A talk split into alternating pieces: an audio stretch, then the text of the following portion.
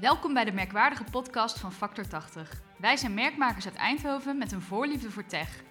In deze podcast ga ik samen met mijn collega's Jeroen en Rutger op zoek naar het verhaal achter merkmaken.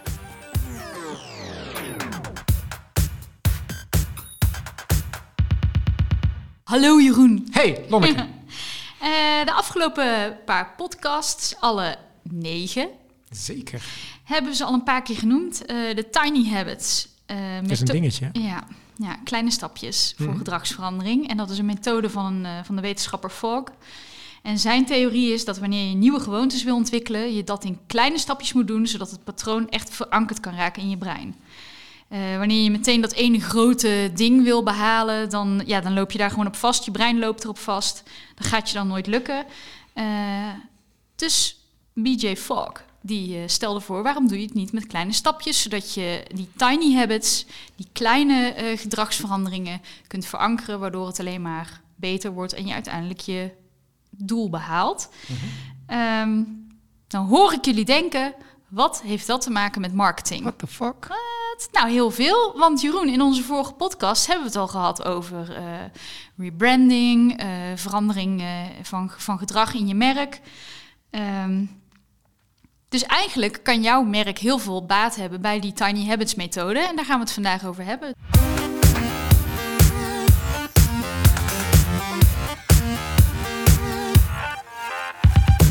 Brand maar eens los. Daarna ga ik je heel veel vragen stellen. Fire. Ja.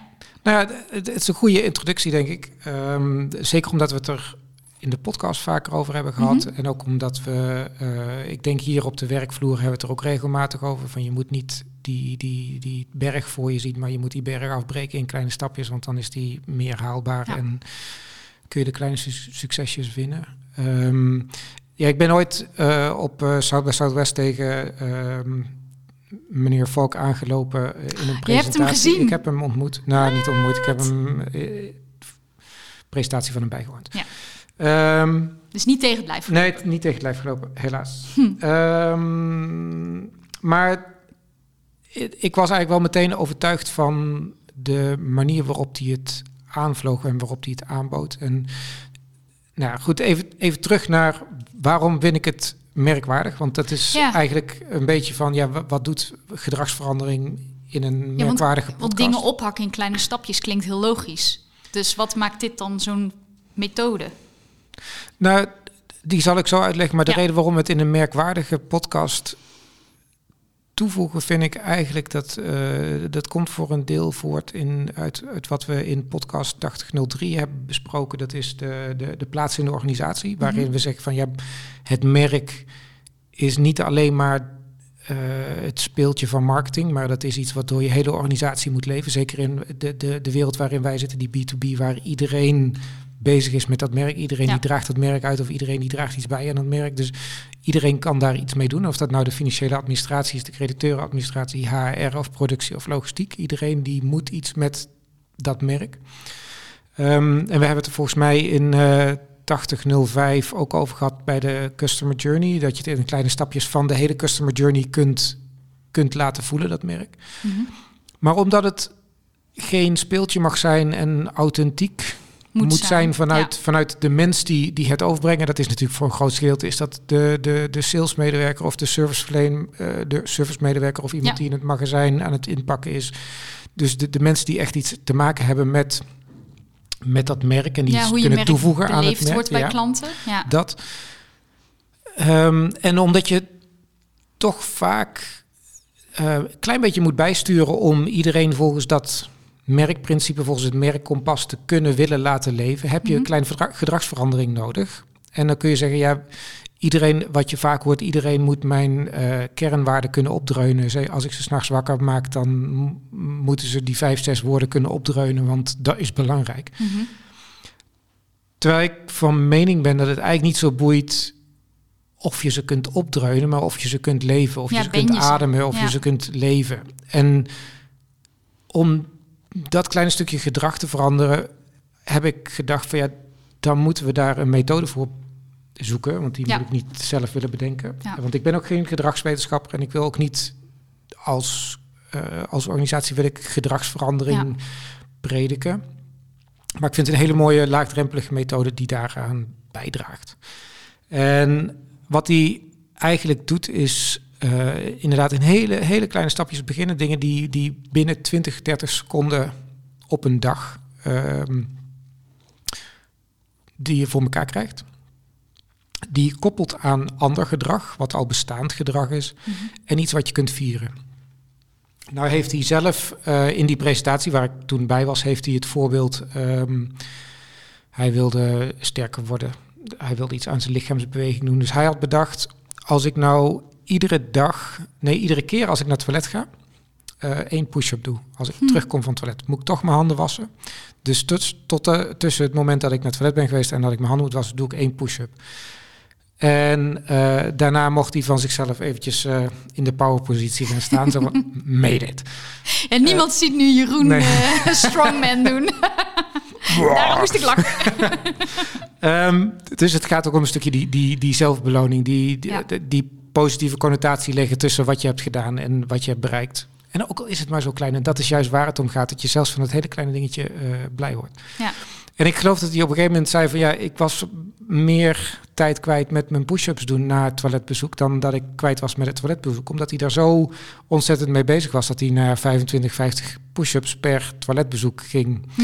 En daarin had hij iets van dit is een krachtig instrument waarin je um, de, je, je, motivatie opbreekt in hele kleine stapjes. Ja.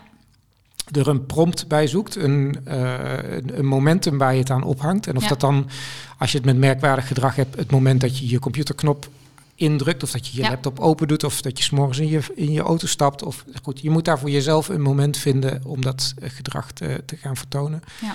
En daarna echt het gedrag zo klein mogelijk maken. Dus je gaat een hele grote berg ga je opbreken in wat is dan het eerste stapje wat ik wil doen? Wat is mijn merkwaardig gedrag wat Ja. ik wil gaan vertonen? En hoe kan ik daar ehm, die hele kleine stapjes in maken? En daar komt gedragsverandering, behavioral change uit voort om eh, ja, met hele kleine stapjes daar te komen. Ja, want hoe zou je dit... eh, je hebt het nu met een voorbeeld van ik ga naar de wc, mijn doel sterker worden. Dus je koppelt het aan het wc gaan en een push-up doen. Eh, en ik kan me heel goed voorstellen dat sterker worden, dat is natuurlijk gewoon eh, een eh, killing voor je motivatie. Want ja, hoe ga je van eh, bijvoorbeeld 80 kilo en een buikje naar 70 kilo en een strakke sixpack? Dat lijkt een onmogelijke motivatie. Maar wat zou bijvoorbeeld een voorbeeld kunnen zijn eh, in je merk? Wat je zou willen en waar je dan eh, je behavioral change aan kan ophangen. Ehm, de- dan ga ik putten uit wat eh, voorbeelden die ik, ehm, Mhm.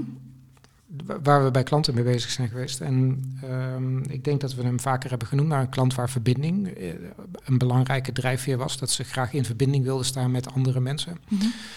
En eh, een van de collega's die ik daar sprak, die zei op een gegeven moment van ja, ik wil meer verbinding op de, de werkvloer waar ik op dat moment ben. Want er was Mhm. iemand die werd uitgezonden naar verschillende plekken om, Ja. eh, om daar te werken. Dus voor hem of haar was het heel moeilijk om eh, steeds opnieuw die verbinding te leggen. Ja, wat dus wel vanuit het merk iets is Zou wat ze kunnen. graag Ja, willen, willen laten zien en Ja. willen laten voelen. Ja. Dus had zoiets van, iedere keer als ik koffie ga halen, dan probeer ik in ieder geval tegen iemand hoi te zeggen die ik onderweg tegenkom. Of ik probeer in het begin van de week te vragen, hoe was het weekend? Of aan het eind van de week, ehm, hoe wordt je weekend? Dus eigenlijk heb je koffie halen, wat Mhm. je als een soort van standaard doet op kantoor. En het mag Ja. het uiteraard ook thee zijn, en het mag ook water zijn, het mag ook je appelwassen zijn. Het, het maakt- Hmm. ah, nee. Dat ligt eraan welke beroep je doet, maar ja, dat mag ook. Ehm, nee, maar, Ja. Dus je pakt een momentum wat je al vaker hebt Ja. eh, en, En, daar je koppel je hoe aan. je je merkwaarde daaraan kunt verbinden en hoe je dat kunt leven dan. Ja. ja. Klopt. Dus, en dat maakt het denk ik deels ook wel weer heel moeilijk om dat eh, voor jou als luisteraar eventjes voor te kouwen. Zo van, hoe Mhm. zou je dat dan moeten gaan doen? Want de, de vraag is, A, wat is, wat is, wat zijn je drijfveren van je merk? Wat, is je, wat zijn je merkwaardes? En wat, heeft, wat, wat is jouw toegevoegde waarde in die merkwaarde? En hoe Ja. zou je die klein kunnen maken en daar ehm, proactief Ja. ehm, gedrag aan kunnen koppelen. Ik schiet me een ander voorbeeld te binnen als je het dan weer hebt over het standaard eh, eh, corny voorbeeld Cool Blue. Je zou daar kunnen, nou maar goed, Ja. je zou kunnen zeggen van oké, ehm, alles voor een glimlach. Ja. Ehm, wat zou het voor mij betekenen als ik, ehm, voordat ik iemand moet bellen, want ik zit op de klantafdeling of ik zit, dat ik eventjes eh, die uh, pen zo tussen mijn tanden doe. Want als je dat 20 seconden doet, dan krijgt je brein krijgt een, uh, een, een seintje van hey, jij zit in een lachpositie, dan word je acuut word je vrolijker. Um, dat ga ik doen voordat ik iemand ga, bellen. bellen. Ja. Uh, om ervoor te zorgen dat ik zo'n zo'n stukje van het merkwaarde verder ga hm. laden en um, ja, leven eigenlijk en ademen. Ja. Dat is, en dat vind ik eigenlijk veel mooier dan ja, wat ik net zei, die het kunnen opdreunen van nou wij, ja, wij staan voor uh, verbinding. Een handboek. Ik heb ooit bij een schoenenwinkel gewerkt en op een gegeven moment kregen we daar uh, cadeauchecks. En daar kregen we een hele uh, uitleg bij, waarbij ook stond aan het einde. Vervolgens wens je de klant plezier met zijn aankoop en zeg je een vriendelijk gedag. Houden we hem bedankt. Echt, ja. Daar konden wij natuurlijk als medewerkers heel weinig mee, want we, we, we voelden heel erg uh, uh, wat voor winkel het was. We waren heel erg servicegericht. Je moest nette kleren aan, dus je, je, je, dat zat er al in. En ja, maar het sloeg bij ons een beetje, beetje dood, zeg maar. Zo'n zo'n heel handboek doornemen. We hadden het ook nog nooit doorgenomen. En op een gegeven moment gingen we het handboek doornemen. En toen zagen we dus, alles wat we al deden, stond erin. Nou ja, en dat vind ik... That's not the way. Dat, nee, dat is zeker niet de, de manier. En ik denk dat je soms als je uh, dingen moet inpakken, bijvoorbeeld, dan is het fijn dat de, de, de ik zit nou naar onze op, opnameapparatuur te kijken, dat de stekker altijd aan de linkerkant van de doos zit en dat het apparatuur, dat, dat, dat moet je in, in handleidingen vastleggen. Maar goed, wij hebben het ook niet voor niks over een merkwaardig kompas. En een kompas geeft mensen richting in plaats van dat het ze um, een handboek geeft om te zeggen van ja, dit moet en dit mag niet. En ik vind ook dat, dat iedereen op zijn of haar manier die, die invulling moet geven. Als mm iemand anders denkt van ja, verbinding is voor mij veel meer um, niet bij het koffiezetapparaat vragen uh, hoe is het, maar uh, één keer per week even tien minuten pakken om iemand uit mijn WhatsApp-lijst, die ik al een tijdje niet heb gesproken, om die, uh, om die even um, ja, een, een berichtje te sturen. Ja, Dan kun je dus zeggen van oké, okay, dat is mijn, ik heb op woensdag mm -hmm. ga ik altijd sporten. S'avonds, waardoor ik iets eerder van mijn werk weg moet. Dat is je prompt, je momentum.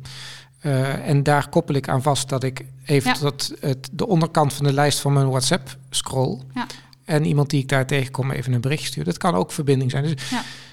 Ja, er hoeven dus, wat je eigenlijk wil zeggen, is ook, er hoeven niet hele plannen worden opgesteld voor, juist niet. voor nee, juist jouw niet. medewerkers. Nee. Laat ze zelf kijken, wat wordt mijn uh, signaalmoment, welke merkwaarde past bij mij en kan ik makkelijk leven. En wat ga ik daar, hoe ga ik dat koppelen, zodat ik die merkwaarde nog mooier en authentieker uit kan dragen? Ja. ja. En um, ik denk dat je dat. Ik, ik, ben, ik ga hardop denkend op zoek naar een voorbeeld voor, uh, nee, voor in het magazijn bijvoorbeeld. Oh, Stel nee, dat je ja. ik bedoel, iemand die in het magazijn werkt en je hebt uh, transparantie op je, uh, in je merkwaarde staan, bij wijze van spreken. Mm -hmm ja, dan zorg je dat de werkvloer altijd schoon is. Dus dat ja. betekent dat als jij iedere keer uh, terugkomt van lunch, dat je even twee minuten pakt om om je heen te kijken en ja. te kijken van is alles nog uh, spik en span hier op de werkvloer. Om ervoor te zorgen dat ook als collega's, en dat kunnen want daar geldt een merk natuurlijk ook voor. Voor nieuwe medewerkers die binnenkomen. En voor het leven van de cultuur ja. is het ook van belang dat iedereen ja. daar zijn, zijn tiny beetje aan, aan ja, bijdraagt. Ja, je employer branding eigenlijk. De, dat ook als iemand een rondleiding krijgt uh, door, door het pand van wil je hier komen werken. Ja, en je hebt als merk waar de transparantie en het is een bende. Ja, dan gaat er ergens iets fout. En dan kom je weer bij dat... Um, bij de opmerking van net van ja, als het uh, heel groot boven de receptie ge, ge, ge, geprint staat en in, in het kantoor is het een tyfusbende. Ja, ja, dat dan, werkt niet. Dat werkt niet. Nee. En dan, nee. ja, wat ik dan altijd zeg van, dan krijg je brein, uh, je brein. Brain. brain. I'm, uh, I'm Dutch and I speak English. Very well. English. Verdorie. um, nee, maar dan, dan krijgt je brein een freeze, fight or flight. Ja situatie, ook al is het maar minuscuul het groot. Klopt niet, het hè? klopt niet. En dus dan heb dus het, ja. dat, die discrepantie die, die wil ja. ons brein niet. En daarmee creëer je dus geen aantrekkelijk merk. Dus ja. daarin geldt op alle kleine maniertjes geldt. Um, voer dat door. En terugkomend bij dat, dat woord verbinding, zelfs in je, in je administratie, als je een reminder moet sturen voor een betaling zorg dat daar een klein beetje van die verbinding in zit. Maar goed, Ja. dan komen we een klein beetje weer terug bij, eh, bij eh, de customer journey. Ja, Maar ook daar kun je er dus voor kiezen. Ehm, voordat ik iemand moet gaan bellen voor een betalingsherinnering, hoe ga ik ervoor zorgen dat ik die verbinding eerst maak Ja. in plaats van maar ja meteen of een andere merkwaarde die ook bij Ja. je past. Hè? Eens. Dat kan ook. Ik heb wel een, eh, een leuke vraag voor jou. Want we hebben natuurlijk twee jaar geleden... wij hebben natuurlijk bij Factor 80 ook onze eigen merkwaarden. En twee jaar geleden kwamen we ineens tot de conclusie... dat we eh, het kaartje eh, creatief moesten verruilen... voor het kaartje passie en aantrekkingskracht. Nee, schoonheid, Schoonheid. is vervallen. Oh ja, schoonheid is vervangen. Ja, schoonheid is vervallen. Ehm, en nou is mijn vraag. Wat voor kleine stapjes zou jij aan eh, aantrekkingskracht kunnen koppelen? Want daar heb ik zelf eigenlijk nog nooit over nagedacht. Ik denk wel dat ik het altijd doe eh, in mijn werk. Dat ik zorg voor die aantrekkingskracht. Maar hoe... eh, heb, jij daar, heb jij daar een idee bij? Dan kunnen we een leuke case uitwerken hè, in deze podcast. Ja, ik, ehm, ik vind het moeilijk. Mhm. Ehm, Want dit is, kijk, je hebt hele, hele recht toe recht aan merkwaarden, maar een merkwaarde net als aantrekkingskracht is best lastig. Ja, nou, ja dat, het is natuurlijk een beetje wat je onder aantrekkingskracht verstaat. Onder Mhm. aantrekkelijkheid, onder ehm, Een aantrekkelijk merk. een aantrekkelijk Ja. En dan kom je natuurlijk al snel bij eh, een aantrekkelijk merk betekent ehm, eh, ehm, nou ja, de, consistent en consequent zijn als Ja. eerste om eh, aan te spreken. Nou ja, Rutger heeft onderzoek, eh, onze Rutger die hier eh, ook eh, het geluid doet. Ja. maar die doet ook design bij ons en die heeft echt gekeken naar wat zijn aantrekkelijke kleuren en wat zijn kleuren die aanspreken. Eens. Ja. Dus daar, daar kan het in zitten. Nou ja, wat ik. En ik weet niet of die heel bewust is geweest, maar we zijn inmiddels ook bezig met onze eigen merchandise webshop. Mhm. Omdat ik het idee heb dat als je dus aantrekkelijk wil zijn, dan moet je dat voor een deel ook willen uitdragen. En Ja. een klein beetje. Het heeft toch een beetje met, met ja, Uit, met je look en feel te maken. Ja, en of het nou uiterlijk vertoon is, dat weet ik niet. Ja. Maar het gaat wel richting je fanbase en daarin Ja. Die aantrekkingskracht als, ook als plezier Ja. zien. Als zijnde van Ja, het is, het is leuk om bij iemand. ons clubje ja, te horen. ja, En ik denk dat nou ja, bijvoorbeeld zo'n merchandise. Join us. Join Us, Join is, us. ja, is, ehm, Ja, is, is daar een klein een onderdeel stapje van. voor aantrekkingskracht. Ja. Nou goed, daar hebben we onze eigen ansichtkaarten, daar hebben we eigen stickers, waarin ik ook... En dat is het misschien ook wel een beetje, dat ik altijd heb gedacht van die stickers die we hebben, die moeten super tof zijn om mee te nemen. En Je dat, moet, eh, die, die Never Grow Up sticker, die doet het echt, echt rete goed. De- Ja. Want de, daar, nou, mensen Nou, fietsen er niet Hoe voor heet die man ook alweer? We hebben die eh, Never Grow Up stickers ook voor WhatsApp eh, ontwikkeld als een gifje. Oh, ja. Nee, eh, sorry. Oh, boomer me. Eh, voor de Insta-stories. Ja. en eh, Bas Smit, die, eh, die plakte hem op zijn stories. Zeker, maar ik Ja. weet niet waar, waar de, die, die zal ze niet gekozen hebben omdat wij een aantrekkelijk merk zijn. Nee, maar hij heeft die sticker wel gekozen omdat het aantrekkelijk is vormgegeven. Ja. En ik denk dat door dat soort kleine dingetjes Ja. buiten te zetten die niet per se bijdragen aan je merkwaarde, maar doordat je ze consistent en consequent koppelt aan je merk, dat ze wel die aantrekkingskracht op je merk gaan Ja. opleveren uiteindelijk. En dat mensen je dus gaan herkennen op basis van Ja. eh Beep Beep of Never Grow Up of, of Klik of Verliefd of Ja. wat dan ook. En dat het niet alleen maar een functioneel merk is, want wij Mhm. leveren gewoon, jij levert teksten en Ja. Rutger levert een, een website die het doet. Ja. Ja, Ja, maar wij willen graag dat het meer doet dan alleen maar wat het moet doen. ja, dus, dus moeten we dat voor onszelf ook doen. En dat is ook dat. ehm, ik denk dat wat we daarin ook. Nou goed, het is afgelopen anderhalf jaar natuurlijk lastig geweest. Maar het ook een thuis willen zijn voor onszelf en een thuis willen zijn voor klanten die zich welkom voelen, die gewoon lekker aan tafel ploffen hier en, en eh, gewoon meedoen met, met het team, met, met het clubje mensen. Ja.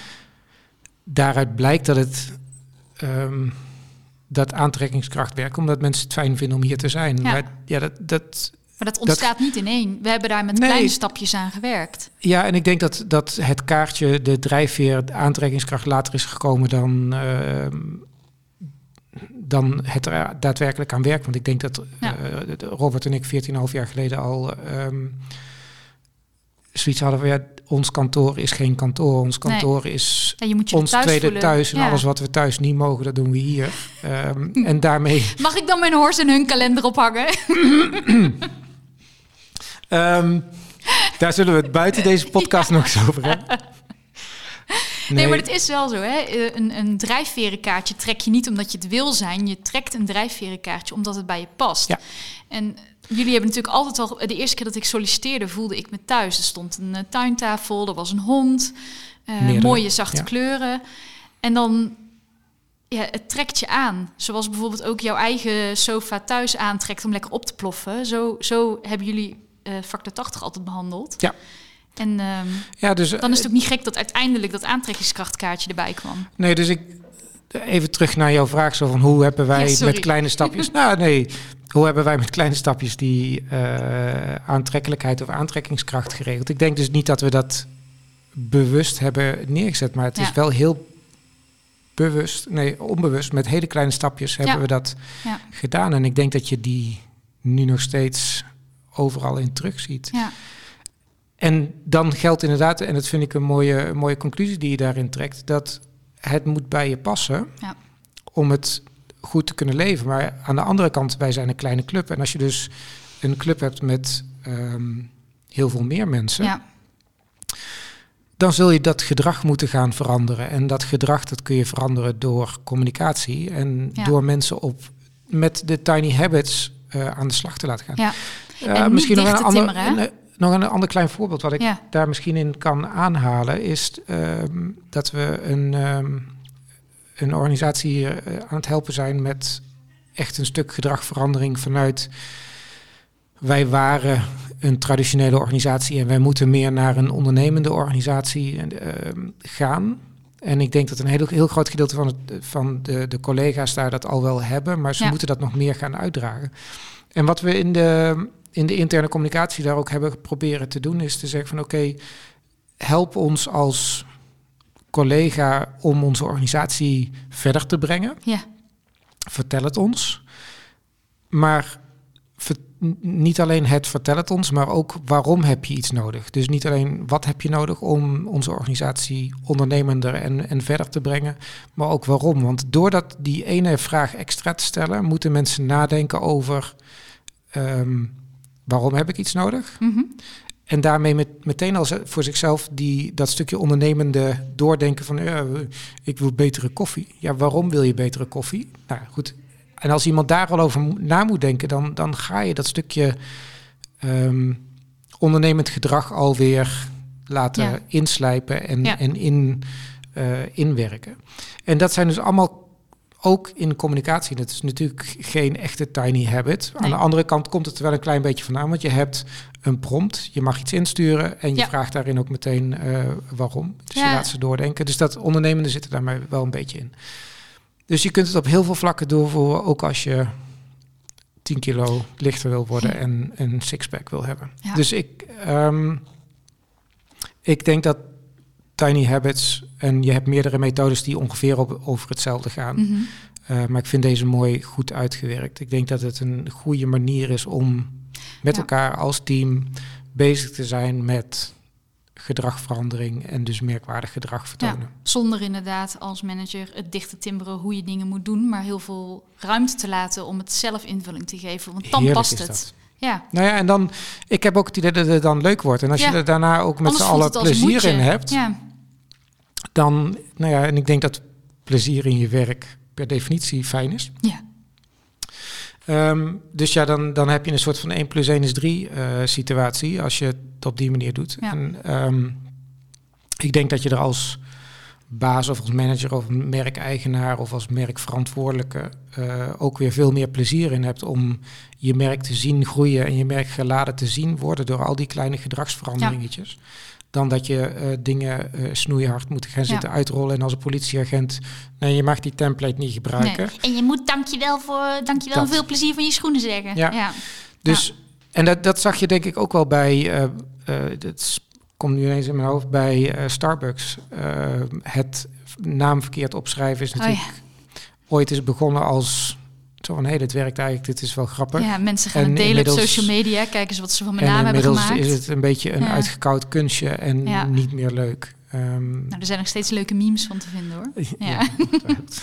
maar goed, ehm, en ik denk dat zij eh, wel meester zijn geweest in lokaal vrij laten binnen bepaalde eh, grenzen. Ehm, en toch voelt het wel allemaal Ja, Starbucks-ish. Mm, begin Mm, misschien een beetje af te meer. nemen, maar Nee. eh, een paar jaar geleden toen, toen Starbucks nog hip was, toen, eh, ja, toen wel. tot het belastingsschandaal. Maar goed, laten we het er niet over hebben. Nee, laten we dat weggetje niet ingaan. Rutger, kun je dit editen? Eh, we dwalen af, as usual. Dat is oké. Maar ik heb het idee dat we de, de, de basis hebben gehad van Ja, tiny habits. En dat, nou goed, het, nogmaals, het belangrijkste wat ik vind in, in merkwaardig gedrag om tot die conclusie te komen, Mhm. is klein beginnen ja, en koppelen aan bestaand gedrag om met z'n allen, en dan echt het complete team of de hele organisatie, die merkwaarden en die drijfveren en je merkkompas te gaan leven. en dat zou eigenlijk makkelijk moeten zijn, want je de drijfveren en merkwaarden die je hebt, die passen al bij jou als organisatie. Meestal wel. Ja, En bij de organisaties waar het dus niet 100% past, ook omdat je misschien vaak nieuwe mensen aan boord hebt Ja. die je daarin mee moet nemen. Het geeft gewoon een heel fijn gevoel bij hoe leef ik nou mijn merk. Ja. En dat mensen daar zelf over nadenken als zijnde, ja, maar wat ga ik daar dan in bijdragen? Nou ja, daar, daar kun je tiny dit, habit. Een tiny habit. ja. ja. Dus dat. Yes, ik wil het elke keer over eh, merkwaardig hebben. Het lijkt me goed. Wat, wat is merkwaardig? Ik weet niet of we daar een hele uitzending over vol kunnen praten. Maar Ons kennende wel. ja, ja, helemaal merkwaardig eens. Want ja. merkwaardig gedrag. Dat gaan we doen. Yes, Dankjewel oké. voor vandaag. Dank je.